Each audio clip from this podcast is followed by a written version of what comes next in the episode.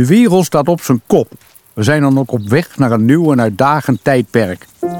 Daarom deze podcastserie op zoek naar het nieuwe verhaal. Want om de transitie succesvol te maken, moeten we wel mee veranderen. En om je daarbij een handje te helpen, spreek ik, Kees van Opperingen, ter lering en ter inspiratie met de denkers en de doeners van onze tijd.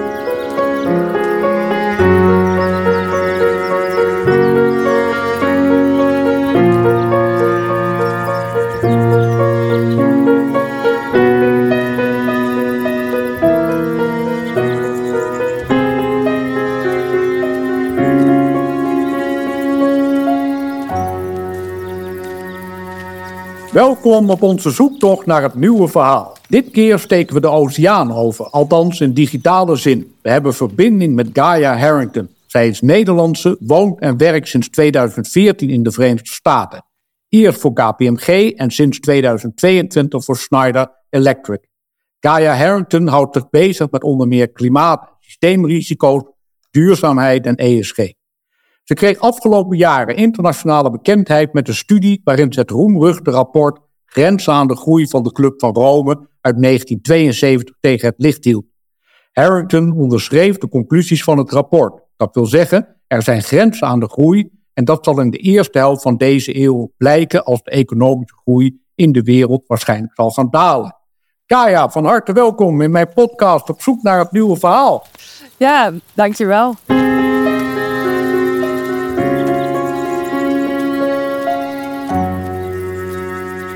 Kaya, we hebben net een juli maand achter de rug die de warmste ooit zou zijn geweest. Het resultaat daarvan waren temperaturen tot boven de 40 graden, bosbranden, oceanen die uitzonderlijk warm waren, maar ook modderstromen en regenbuien met ijspegels zo groot als tennisballen.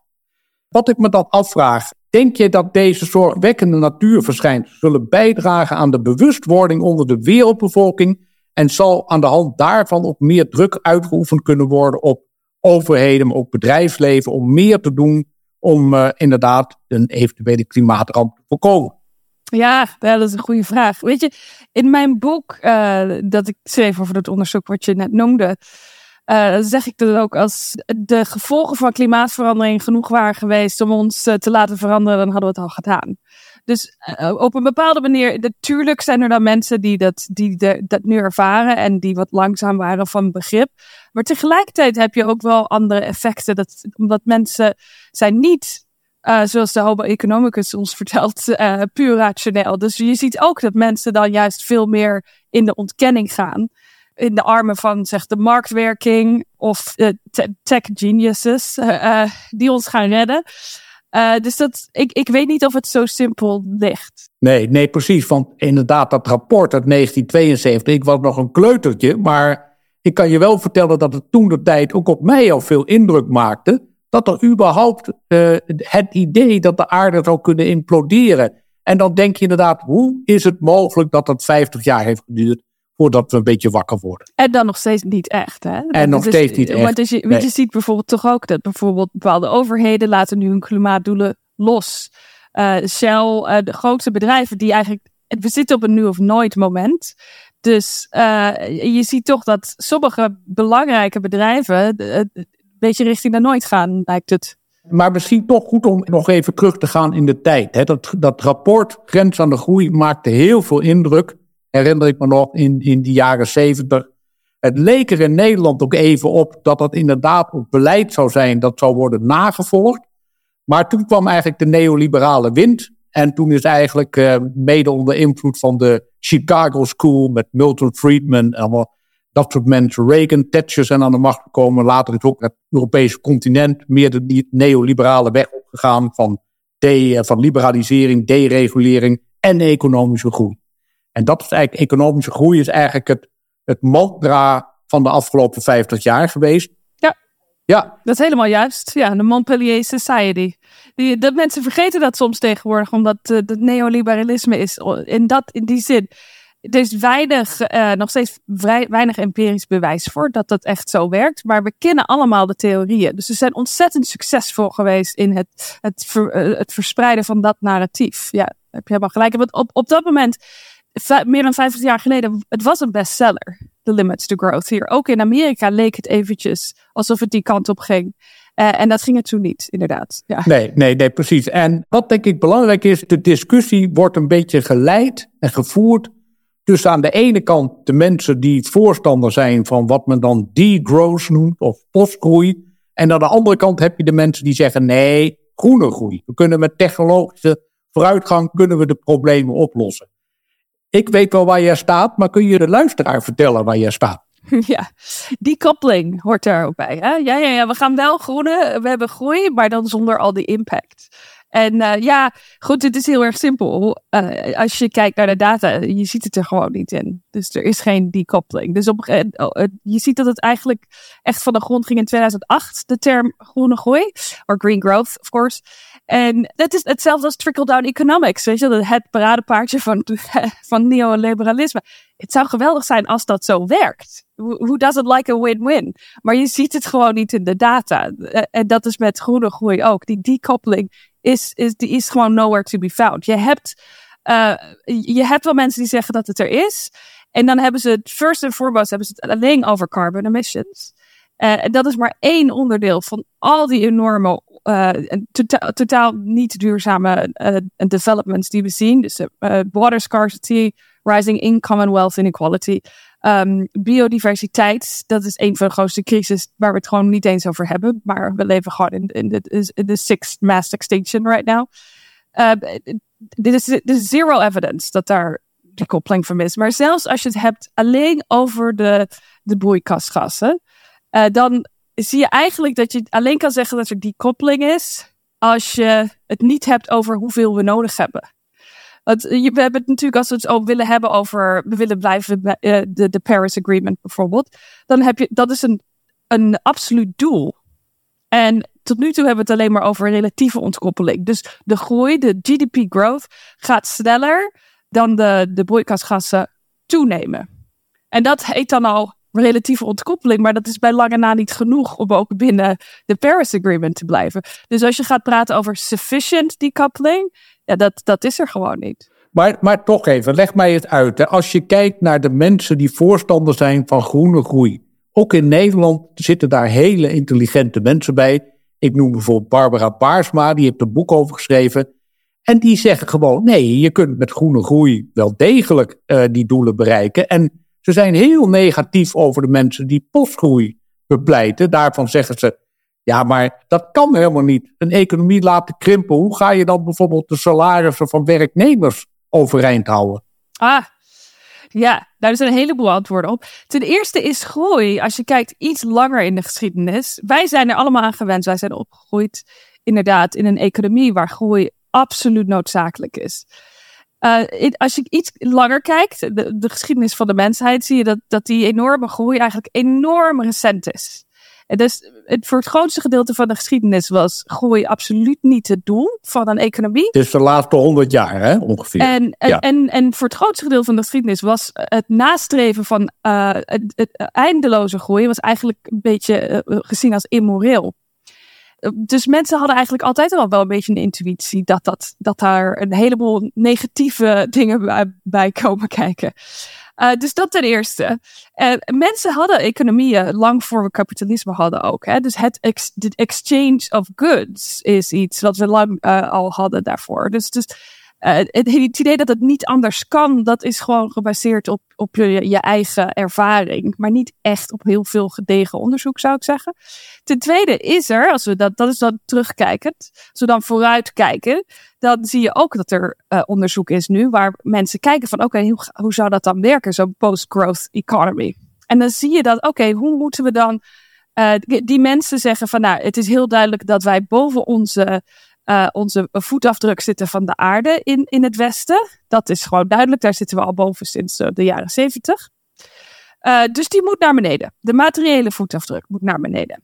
En dat zijn de groene groei mensen ook ermee eens. Maar die zeggen dan, ja, maar dat kan zonder groei nastreven. En, en dan zeggen natuurlijk, wij zeggen van, nou ja, als je kijkt naar de correlatie tussen energie en materieel gebruik en de groei, kan dat eigenlijk niet. Maar dan is de vraag, hoe erg is dat? En als je dan onderzoek doet, denk je, nou, hoe breng je die voetafdruk nou naar beneden? Dan zie je eigenlijk dat er een soort, als je minder uh, materieel gebruikt, dat je meer moet werken met menselijke arbeid. Nou ja, dat is dus eigenlijk een manier niet alleen om wellicht unemployment hoog te houden, terwijl er geen groei is, maar ook uh, om eigenlijk een, aan een heleboel andere uh, behoeftes die we hebben als mensen, bijvoorbeeld connectie, um, sense of community, sense of meaning in your life. Dat zou je dan ook, daar kan je eigenlijk daar ook veel meer mee bereiken. Dus dat zie je eigenlijk met wat we nu noemen well-being economics. Dat is waar ik momenteel het meeste mee bezig ben. Dat we daar, dat we kijken, oh, er zit eigenlijk ook heel veel uh, opportunity hier. Want je kunt eigenlijk die voetafdruk naar beneden doen, maar het well-being kan nog steeds omhoog, omdat onze sociale behoeftes eigenlijk beter uh, bevredigd kunnen worden in zo'n economie. Dat vind ik een heel interessant punt, want ik heb ook de indruk dat de wereld wordt erg verengd tot je digitale identiteit. Je bent eigenlijk een databundel geworden. Sociale verkeer en de wederkerigheid wordt alsmaar minder in de samenleving. Je merkt dat heel veel mensen worden daar ziek van. Dat is uh, evident. Het aantal depressies ook onder kinderen neemt toe. Absoluut. Ja. Dus we zitten eigenlijk in mijn beleving wel op een kruispunt. Gaan wij de kant op uh, die de tech-miljardairs wensen, namelijk meer artificial intelligence, meer via platformen werken. Maar dat is denk ik niet waar de samenleving of de mensheid gelukkiger van wordt. Precies. En dat is zo. Dat is met tech ook. Dat is ook waarom ik ervan overtuigd ben dat alleen tech ons niet, uh, tech ons niet gaat redden. Omdat tech is gewoon een tool. Dus zolang dat, dat die, die tool werkt in een systeem dat, waar het ultieme doel groei is, zal het daarvoor op toegepast worden. En dat is natuurlijk precies wat je ziet nou in Silicon Valley. Ik, krijg dat heel veel mee in Amerika. En ik, wat zij disruption noemen, is gewoon, you're looking at a a social need, you're like, you're like, oh, let's commodify that. Dat, dat is wat alle tech doet. Hoeft niet natuurlijk. Het kan ook echt werken tot verbinding. Facebook had die mogelijkheid. En ze waren ook gewaarschuwd dat ze democratie aan het uithollen zijn. En, en inderdaad aan mental health uh, en negatieve gevolgen daarvan hebben. En ja, dat, dat werd dan genegeerd. Omdat het uiteindelijke doel van Facebook natuurlijk uh, groei is. Groei in, in, de, in de winst. En zolang je dat niet aanpakt, zul je, zullen al deze deze, die tools, eh, tech en al die andere dingen die we hebben, uh, zullen uiteindelijk niet genoeg worden toegepast. Maar heb je niet, kijk, jij zit dicht bij het vuur, zou ik maar zeggen. Wat er, natuurlijk, wat er in de Verenigde Staten gebeurt, is heel belangrijk. Uh, daar heb je natuurlijk een politiek die sterk beïnvloed wordt door het bedrijfsleven. We staan op dat kruispunt, maar kun je nou eigenlijk de verwachting onderschrijven dat inderdaad die behoefte die er is aan meer wederkerigheid en echte samenleving, heeft dat kans van slagen?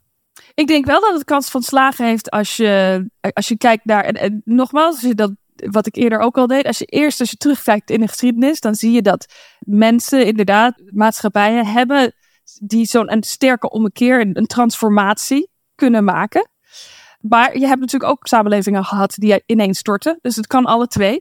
Maar uh, het, is, het is niet dat we daartoe gedoemd zijn.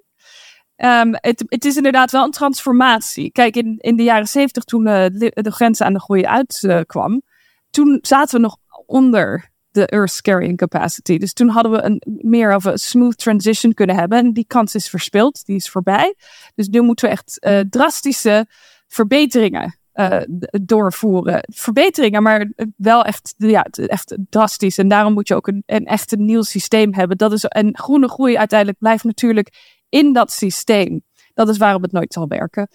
Als je dan vooruit kijkt, dan denk ik, als je kijkt naar surveys, dan zie je eigenlijk dat de, de meerderheid van de mensen inderdaad die veranderingen ook willen. Dus je ziet dat als je eh, overal, ook in de US. Sterker nog, zeker onder de jongere generatie. Uh, de grote meerderheid wil drastische veranderingen, systeemsveranderingen, politieke en economische systeemsveranderingen. Dus de wil is er wel. Eh, we kunnen het ook. We hebben de mogelijkheden. We weten welk beleid noodzakelijk is. En we hebben de technologie ook. Um, of we het dan ook nog doen, dat, dat blijft een open vraag. Dat ben ik met je eens. Ja, ook omdat het, als het gaat om het aantal mensen, dan is het evident uh, waar de voorkeur van al die mensen ligt.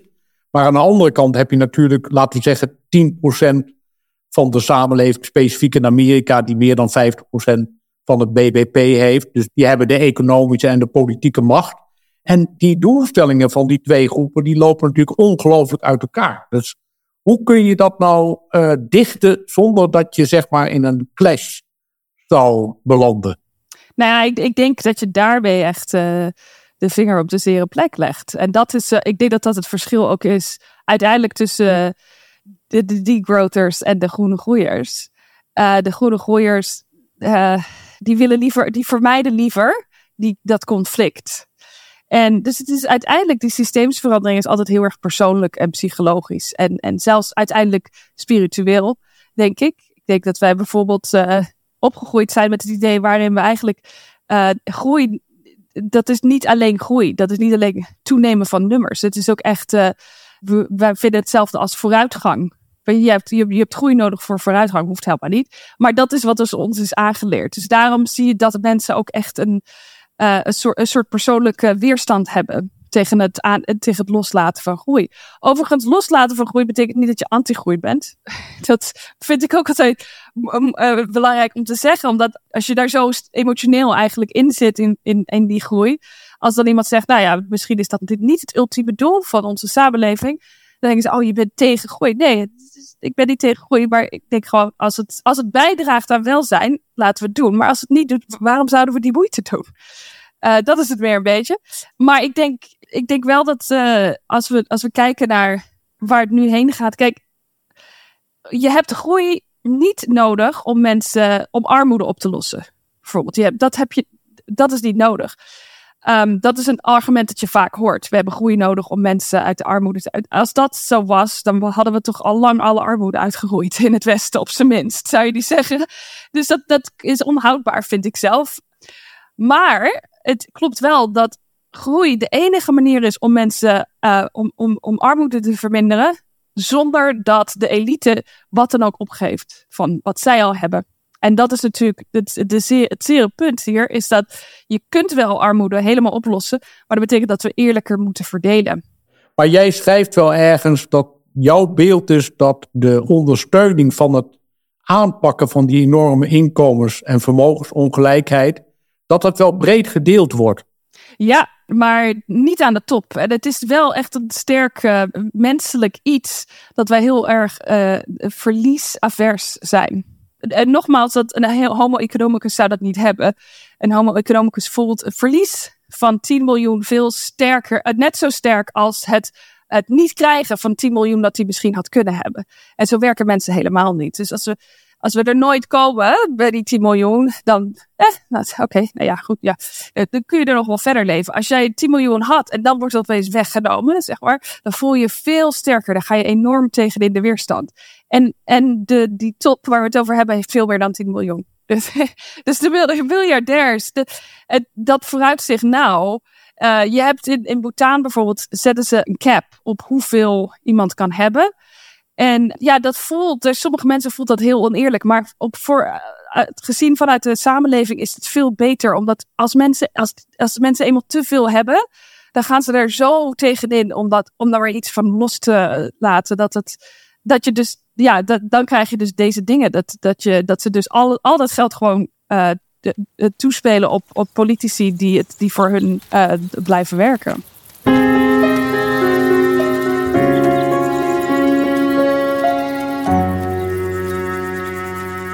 Misschien nog even terug naar die belangrijke studie van de Club van Rome, waar jij onderzoek naar hebt gedaan. En wat jij ook hebt geprobeerd te actualiseren, dat, uh, dat onderzoek. Hè? je hebt waarschijnlijk uh, daar modellen en berekeningen op losgelaten om te kijken van in hoeverre zijn er nou juist de aannames geweest. Kun je, kun je eens op hoofdlijnen jouw conclusies trekken of uh, met ons delen van wat je daaruit geconcludeerd hebt?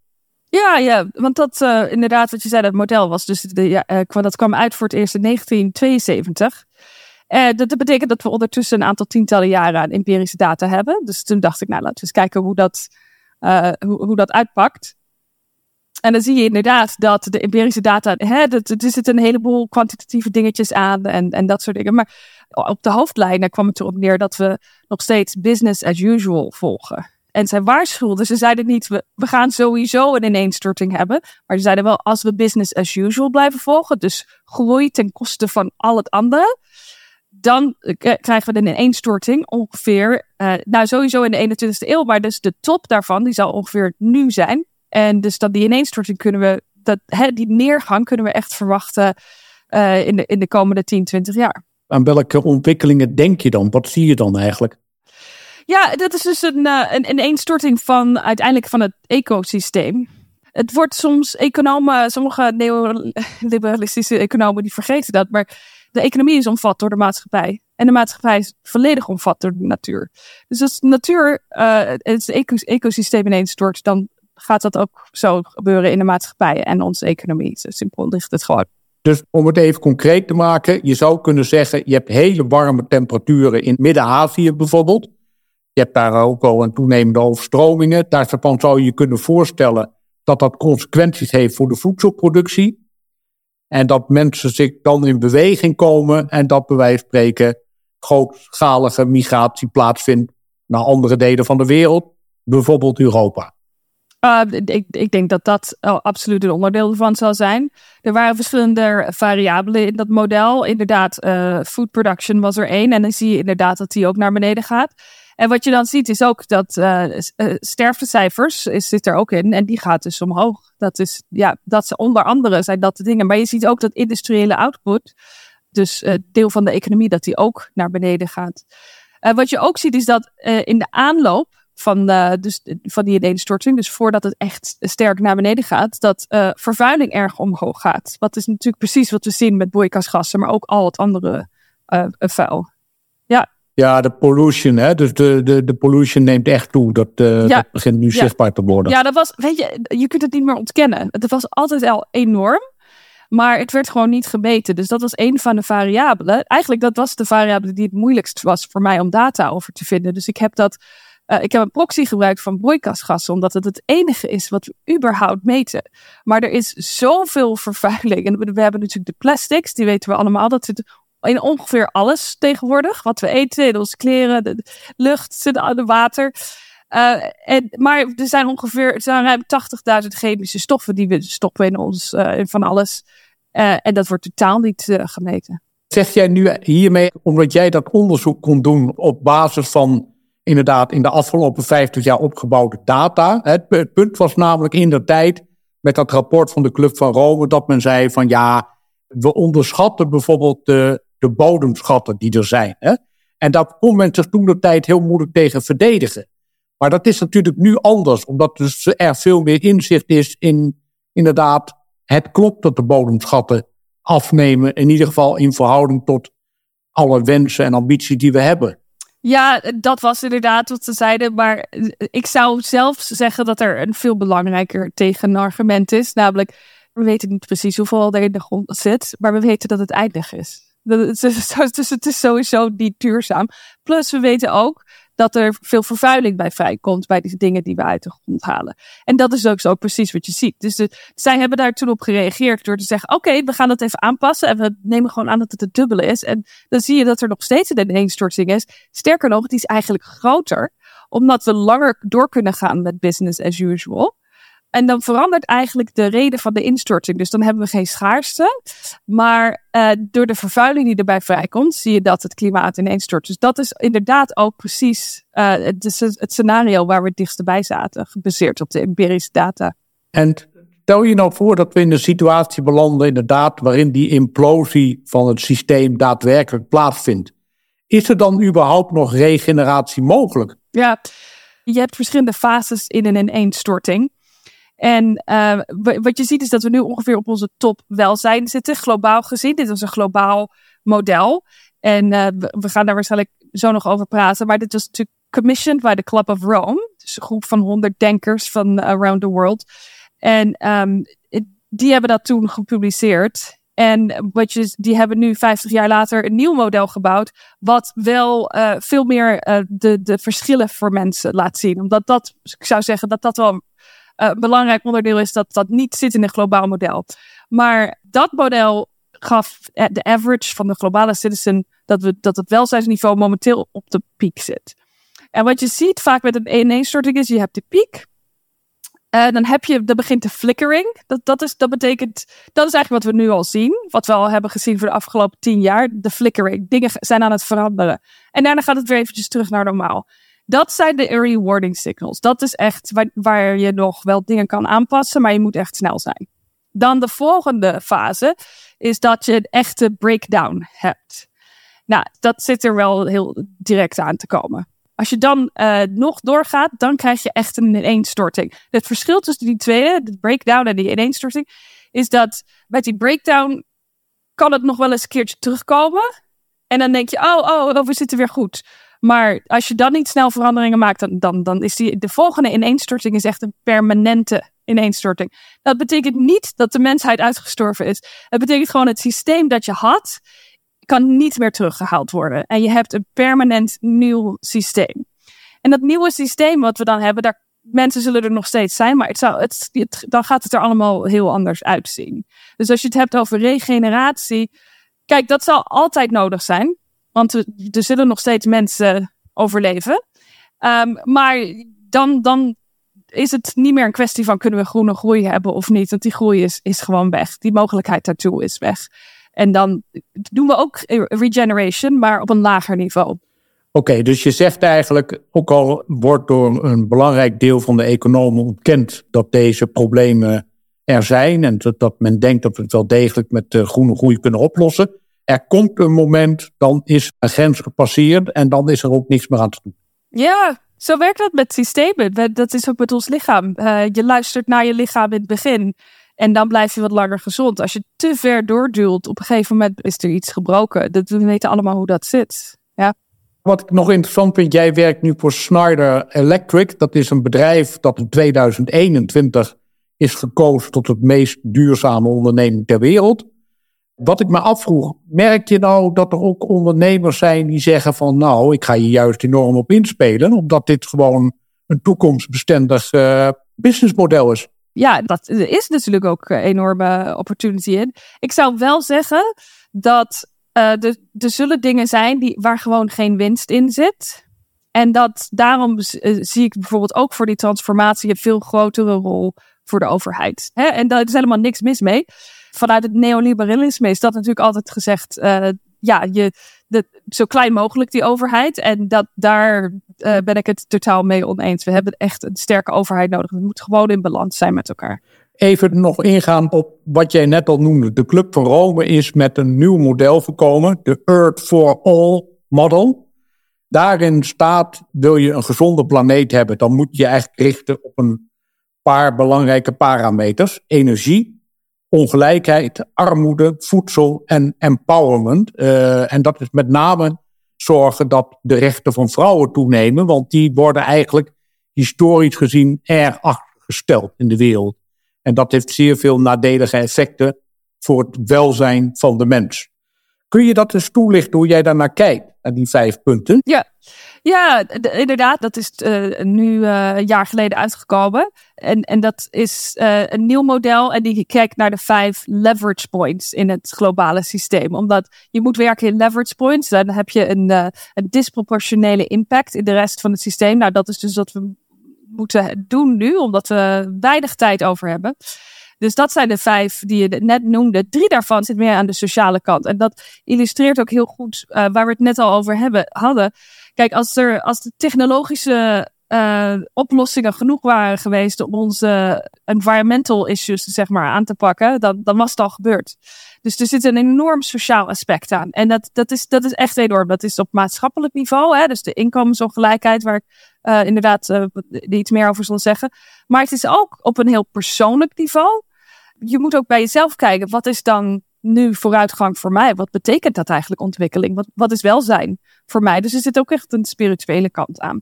Maar deze vijf leverage points zijn inderdaad naar energie. De, die is duidelijk. We moeten natuurlijk naar renewable energy, uh, elektrificatie van alles. En, en sowieso nog steeds meer efficiënt. Mensen weten dat.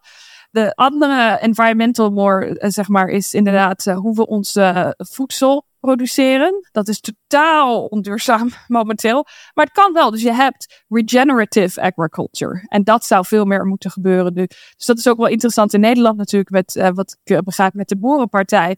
Dat, dat is duidelijk de vested interest there. Hè? Die daar... Maar nogmaals, we hebben de technologie. We weten wat we, hoe we dat moeten doen. En dan die andere drie zijn sociaal Omdat bijvoorbeeld de energietransitie, die zal bevochten worden. Niet, niet alleen door de, de vested interests, dus van de top-down, maar ook van de bottom-up. Als mensen het idee hebben dat die transitie niet eerlijk verdeeld wordt. Ik denk dat dat ook onderdeel is van wat we nu zien in Nederland. Um, maar ik denk ook bijvoorbeeld de, de, gele vesten in, in Frankrijk zijn een heel goed voorbeeld daarvan. Je zag dat uh, Macron hefte toen eerst uh, de hoogste belasting op grote inkomens op. En toen ging die carbon tax eroverheen. En ik denk dat dat echt het protest is. Dus het was niet zozeer dat mensen tegen goed klimaatbeleid waren. Maar ze vonden wel dat het eerlijk verdeeld moest worden. Je zult deze, de, het beleid dat we weten dat we nodig hebben, die zal te veel weerstand top-down en bottom-up. Als we niet ook gelijk inkomens- en welvaartsongelijkheid uh, aanpakken. Ja, en dan misschien dat laatste punt nog, om dat nog even te benoemen, dat empowerment van vrouwen. Ja. Dat is ook een belangrijke, omdat natuurlijk, uh, ja, ik zelf ben van mening dat wij in de 21ste eeuw veel meer feminine vaardigheden en karakteristieken nodig hebben. Zeker als je kijkt naar de omvang van de problemen waar we mee van doen hebben. Ik denk dat ook. Er zijn de twee delen aan. Dat is inderdaad de vijfde die ik vaak noem. Dus die, de, de inkomensongelijkheid in landen is één. Dan tussen landen. Dus dan heb je het meer over hervorming in de wereldbank en dat soort dingen. En dan die laatste is inderdaad veel meer empowerment van women. En um, waarom is dat? Je hebt natuurlijk uh, het meer, de, de meer praktische insteek. Dus je zegt, ja, maar je gebruikt ongeveer de helft van de wereldbevolking niet. Dat is niet handig. Dus dat, maar het ligt inderdaad, wat jij zei, het ligt wat dieper. Het zit ook in dat spirituele. Dat je ziet dat door de geschiedenis heen en systeemdenker Rihanna Eister bijvoorbeeld heeft hier ook veel over geschreven. Dat je eigenlijk door de manier waarop wij uh, als mensen ons organiseren, je kunt daar eigenlijk twee modellen uit distilleren. Dominatiemodel en het partnerschapmodel. En een van de, grote verschillen daartussen is onder andere uh, de rol van de vrouw. Dus de rol van de vrouw in het dominatiemodel is ondergeschikt. En het wordt ook geclassificeerd. De orde wordt gehandhaafd door groot sterke hiërarchieën. En, en redelijk veel geweld om die hiërarchieën. En, en enorme verschillen in stand te houden. En dan heb je ook een partnership model, wat eigenlijk meer gebruikt werd door, in de geschiedenis. Uh, maar de geschiedenis wordt vaak geschreven door uh, winnaars van oorlogen. En daarom lijkt het net alsof die dominatiemodel meer werd gebruikt, maar dat is niet zo. En hij is altijd inherent uh, onhoudbaar. Um, maar het partnerschapmodel zie je dat de rol van de vrouw gelijkwaardig was. Het was niet patriarchaal, maar het was gewoon veel gelijkwaardiger. En je ziet dat daar eigenlijk dan bijna automatisch ook voor mannen uh, de, de rollen als uh, zorgzaam zijn voor, voor kinderen, voor de omgeving en uh, leven in de manier die dat gewoon duurzaam is, dat dat dan bijna automatisch komt. Dus daar zit ook echt die kant aan. Ja, als je kijkt naar het narratief van het kapitalisme, werd vaak gezegd de mens stond boven de natuur. Precies, dat zijn die hiërarchieën. Ja. ja, en we komen eigenlijk nu steeds meer tot het inzicht dat dat een verkeerde veronderstelling is. Ja. Dat we weer terug moeten naar de mens is onderdeel. We zijn onderdeel van en we staan allemaal in verbinding. Ja. ja, dus daarom is het eigenlijk een hele fundamentele vraag. En daarom is het ook inderdaad belangrijk dat vrouwen volwaardig meedoen. Sterker nog, ze moeten eigenlijk de lead nemen.